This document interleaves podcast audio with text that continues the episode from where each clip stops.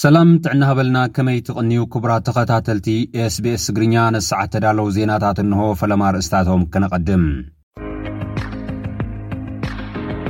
ውድብ ሕቡራት ሃገራት ዞባዊ ናፃ ንግዲ ኣፍሪካ ዕውት ክኸውን ምድጋፍ ድልው ምዃኑ ገሊፁ።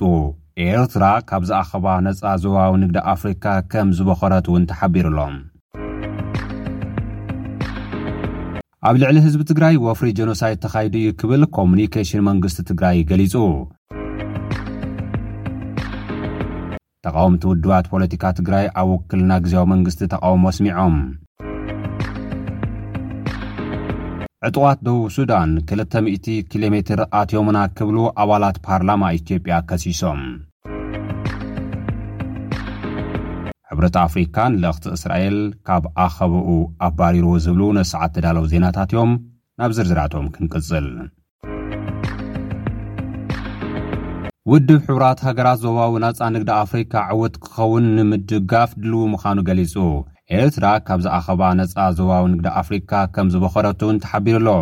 ኣብቲ ምቅልጣፍ ትግባረ ስምምዕ ኣህጉራዊ ነጻ ንግዲ ኣፍሪካ ኣብ ትሕቲ ዝብል ቴማ ኣብዚ ቅንያት ኣብ ኣዲስ ኣበባ ዝተቓንዐ ኣኸባ ዝተረኸቡ ዋና ጸሓፊ ውድብ ሕቡራት ሃገራት ኣንቶንዮ ጉተሬዝ ኣፍሪካ ወናኒት ብዙሕ ሃፍቲ ተፈጥሮ እኳ እንተኾነት ብኣግባቡ ኣይተጠቕመትሉም ብምባል እታ ኣህጉር ብዝተፈላለዩ ሰብ ስራሕን ተፈጥሮኣውን ጸገማት ትፍተን ከም ዘላ ገሊጾም።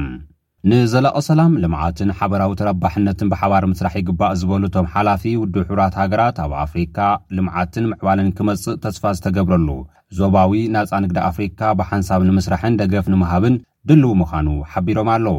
ኣብቲ ኣኸባ ኣባላት ናይቲ ሕብረት ዝኾና ሓምሳን ኣርባዕቴን ሃገራት ኣፍሪካ ክሳተፋ እንከለዋ ኤርትራ ከይተሳተፈት ከምዝተረፈት ተገሊፁ ኣሎ።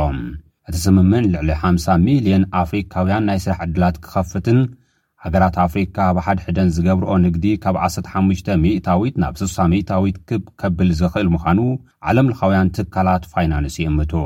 እዚ ድማ ኣብ ዓለም ዝበዝሐ ቁጽሪ መንእሰያት ዘለዋ ኣፍሪካ ብ መገዲ እዚ ስምምዕ ኣብ ዓለም ቀዳማይ ዝዓበየ ማእኸል ናጻ ንግዲ ክህልዋ ተስፋ ዝግበረሉ እዩ። ኣብ መንጎ ኣባላት ሃገራት ዘሎ ፖለቲካዊ ዘይምርድዳእን ቁጠባዊ ክፍተትን ንምንቅስቓስን ዕድላትን ትግባረ እዚ ስምምዕ ዓበይቲ ብድሆታት ክኾኑ ከምዝኽእሉ ድማ ይስጋእ።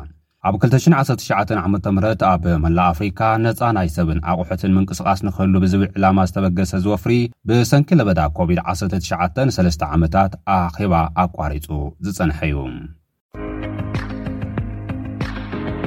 ኣብ ልዕሊ ህዝቢ ትግራይ ወፍሪ ጆኖሳይድ ተኻይዱ እዩ ክብል ኮሙኒኬሽን መንግስቲ ትግራይ ገሊፁ።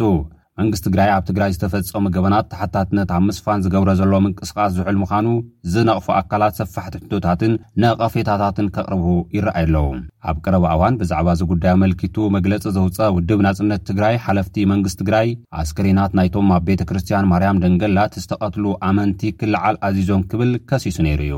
ቢሮ ርክብ ህዝብን መንግስትን ትግራይ መልእኽቲ ዓሰርተ ሓደ ለካቲት ብዝብል ኣብ ዝዘርገሖ መግለጺ ግን ድሕሪ ውድቀት ስርዓት ኢህወደግ ህዝቢ ትግራይ ኣብ ታሪኹ ካብ ዝርኣዮም ብዙሓት በደላት እቲ ዝኸፍኣ ዝበሃል ናይ ህልውና ሓደጋ ገጢምዎ እዩ።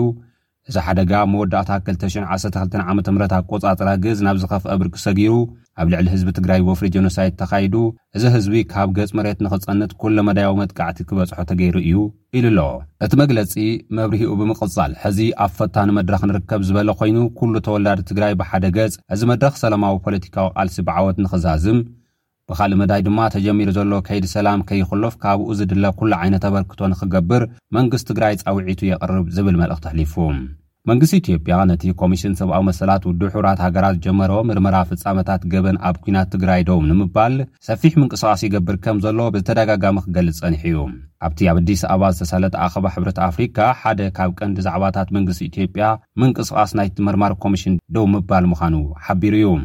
ኣብቲ ኣብ ደቡብ ኣፍሪካ ዝተገብረ ስምምዕ ሰላም ፍፃመታት ናይቲ ገበን ብመሰጋገሪ ፍትሒ ዕልባት ክረኽቡ ምዃኖም ዝተገልፀ ኮይኑ ተሓታትነት ዝምልከት ግን ብዙሓት ሕቶታት ክለዓልሉ ፀኒሖም እዮም። ቢሮ ርክብ ህዝብን መንግስትን ትግራይ ኣብ መግለፂኡ ወፍሪ ጆኖሳይድ ተኻይዱ ካብ ምባል ሓሊፉ ነዞም ሕቶታት ብኸመይ መልሲ ከም ዝረኸቡ ግን ኣይነፀረን ዘሎ። ተቓወምቲ ውድባት ፖለቲካ ትግራይ ኣብ ውክልና ግዝያዊ መንግስቲ ተቓውሞ ኣስሚዖም። ጉዳይ ትግራይ ብሓደ ወገን ክውሰን ኣይኽእልን ብምባል ድማ ሰለስተ ብሄራዊ ውድባት ትግራይ ኣንጻር እቲ ግዝያዊ መንግስቲ ንምጥያሽ ዝቖመ ኣሰናዳኢ ኮሚቴን ሓፈሻዊ መስርሕ እቲ ምጥያሽን ዝቃወም መግለፂ ኣውፂኦም ኣለው። ውድብ ናጽነት ትግራይ፣ ሳልሳይ ወያነን ብሄራዊ ባይቶ ዓባይ ትግራይን ኣብ ዝሃብዎ ሓበራዊ ጋዜጣዊ መግለፂ እቲ ዝፍጸም ዘሎ ኣካይዳታት ኩሉ ካብ ውግንና ዘይጸረየን ብሓደ ውድብ ዝተዓብለለን እዩ ክብሉ ነቒፎሞ። ህወሓት በይኑ ዘጣይሾ ከም ዝኾነ ከም ዝርድኡ እዞም ውድባት ኣብቲ ኣሰናዳኢ ኮሚቴ ከም ዘይሳተፉ እውን ኣፍሊጦም እዮም። ቢሮ ርክብ ህዝብን መንግስትን ትግራይ ግን መንግስቲ ትግራይ ነቲ ኣቲናዮ ዘለና ብዓይነቱ ፍሉይ በባህሪኡ ድማ ከቢድን ዝተሓላለኸን ዝበሎ ናይ ቃልሲ ምዕራፍ ብዝለዓለ ናይ ሓላፍነት መንፈስን ጽኑዕ ድሲፒሊንን ንምፍጻም ዘኽእሎ ሓቋፋይ ምትዕርራይ እናገበረ ከም ዝርከብ እዩ ዝገልጽ። እዚ መድረኽ ዝተፈላለዩ ሓሳባት ዕድል ረኺቦም ኣብ መፃኢ ጉዕዞ ትግራይ እወንታዊ ኣስተዋፅኦ ንክህልዎም ብዝሕግዝ መንገዲ ንምምራሕ ዘኽእል ምትዕርራይ ዝጠልብ እውን እዩ ክብል ሓቢሩ ኣሎ። ኣብዚ ኣዝዩ ወሳናይ መድረኽ ሰላማዊ ቃልሲ ኩሉ ትግራዋይ ፖለቲካዊ እምነቱን ኣተሓሳስብኡን ብዘየገድስ ኣብ ውሽጢ ዓዲ ዘሎ ኮነ ኣብ ዝተፈላለዩ ከባብታት ዓለም ዝነብር ብሓፈሻ ኩሉ ትግራዋይ ንህልውንኡን መንነቱን ክብል ሓድነቱ ዝያዳ ዘስጥመሉን ካብ ዝኾነ እዋን ንላዕሊ ኢሂን ምሂን ዝብለሉን ስለ ዝኾነ ካብ ሕድሕድና ዘድሊ ኣበርክቶ ብብቕዓት ንምፍፃም ድልውነትና ዳግም እነረጋግፀሉ ክኸውን ይግባእ ክብል ኣብቲ ዘውፅኦ መግለፂ ተማሕፂኑ ኣሎ። ዕጡቓት ደቡብ ሱዳን ክልተ ሚእቲ ኪሎ ሜትር ኣትዮምና ክብሉ ኣባላት ፓርላማ ኢትዮጵያ ከሲሶም። እቶም ዕጡቓት ናብ ኢትዮጵያ ብምእታው ናይ ሓንቲ ናይ ኢትዮጵያ ከተማ ስም ከም ዝቐየሩ እውን ተገሊጹ ኣሎ። ቋዋሚ ኮሚቴ ርክባት ወጻእን ጉዳይ ሰላምን ባይቶ ወከልቲ ህዝቢ ኢትዮጵያ ኣብ ቀረባ እዋን ኣብ ከባብታት ጋምቤላ ምስ ደቡብ ሱዳን ኣብ ዝዳወብ ደቡባዊ ምዕራብ ኢትዮጵያ ዑደት ብምክያድ ኣብቲ ከባቢ ዝፍጸም ዘሎ ቅትለት፣ ምዝማትን ምምዝባል ኢትዮጵያውያንን ተዓዚበ ኢሉ። ካብቶም ካብ ናይ ሜዳ ትዕዝብቲ ዝተመልሱ ኣባላት ቤት ምኽሪ ኣብ ዞባ ደቡባዊ ምዕራብ ኦሞ ዕጡቓት ደቡብ ሱዳን ካብ ሚእትን ሓምሳን ክሳብ ክልተ ሚእቲ ኪሎ ሜትር ዶብ ሰጊሮም ናብ ኢትዮጵያ ብምእታው መዓስከር ኣጣይሾም ሕብረተሰብ እቲ ከባቢ ቀቲሎምን ኣመዛቢሎምን ብዙሓት ናይ ወርቂ ቦታታት ከም ዝተቖጻጸሩን ዘይሕጋዊ ንግዲ ኣጽዋር የካይዱ ምህላዎም ምዕዛቦም ገሊጾም።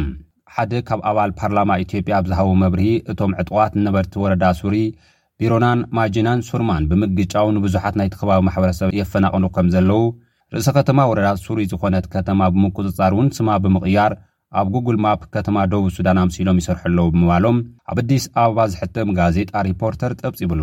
ኣቦ ወንበር ቀዋሚ ኮሚቴ ናይቲ ባይቶ ወከልቲ ህዝቢ ኢትዮጵያ ዝኾኑ ዲማ ኖጎ ብወገኖም ብድሕሪት ዕጡቓት ደቡብ ሱዳን ንኢትዮጵያ ከጥቅዑ ዝደልዩ ሓይልታት ከምዘለዉ ይእመን ምባሎም እቲ ጋዜጣ ገሊጹ ኣሎ።